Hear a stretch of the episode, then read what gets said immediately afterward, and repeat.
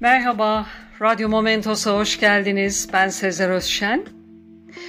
Bu aralar avukatlarla ilgili bir dizi izliyorum ve aklıma yıllar öncesinin ilgi çeken dizilerinden biri geldi. Barry Newman'ın canlandırdığı efsane karakter Tony Petrocelli'yi hatırlayan var mı? Onu özel yapan oldukça özel sayılabilecek yöntemlerle davalarını kazanmasıydı. Vaka ne olursa olsun Petrocelli kazanmasını biliyordu.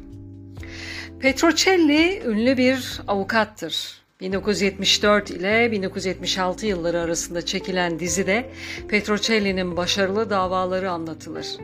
Dizi Türkiye'de 1977-79 yıllarında Söz Savunmanın adıyla yayınlanır. İtalyan asıllı Amerikan vatandaşı Tony Petrocelli, Harvard mezunu bir avukattır.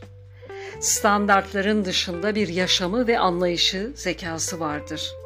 Avukat Petrocelli, müvekkillerinin çoğundan herhangi bir ücret talep etmez. Öyle başarılı savunmalar yapar ki halk onu çok sever. Eşini öldürmekle suçlanan ünlü bir futbolcunun avukatlığını yapmaktadır. Futbolcunun ölen eşinin cesedine bir türlü ulaşılamaz. Ceset üzerinde herhangi bir işlem yapılamaz. Bu yüzden suçlunun kesin olarak kim olduğu bilinmemektedir. Ve Petrocelli jüri karşısında savunmasını yapar. Sayın jüri, müvekkilimin suçsuz olduğuna yürekten inanıyorum.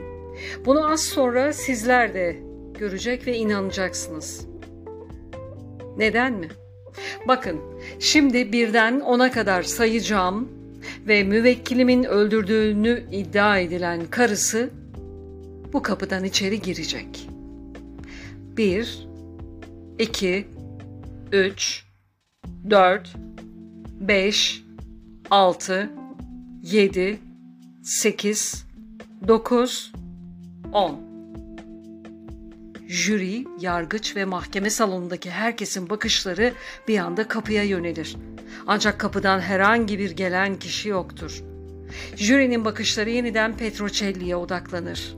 Petrocelli şöyle der. Bakın, siz de kadının öldüğüne inanmıyorsunuz. Çünkü hepiniz içeri girecek diye kapıya baktınız. İşte karar.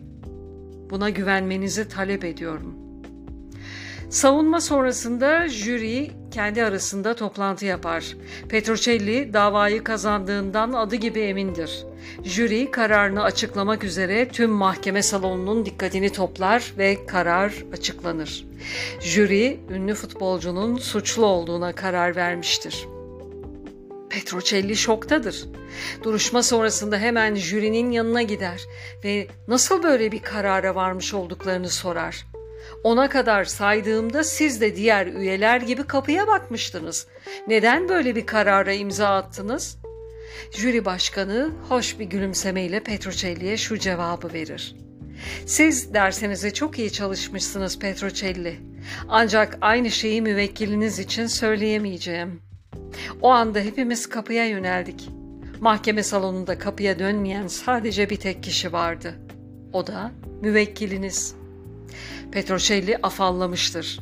Zekasıyla sürekli yolunu bulan bu adam bu defa sağlam kayaya çarpmıştır şüphesiz. Dizinin bu bölümü zamanla oldukça yaygın bir anekdot haline gelmiş.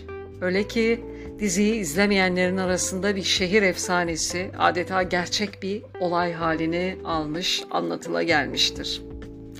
Dinlediğiniz için teşekkürler. Hoşçakalın. Momentos'ta kalın.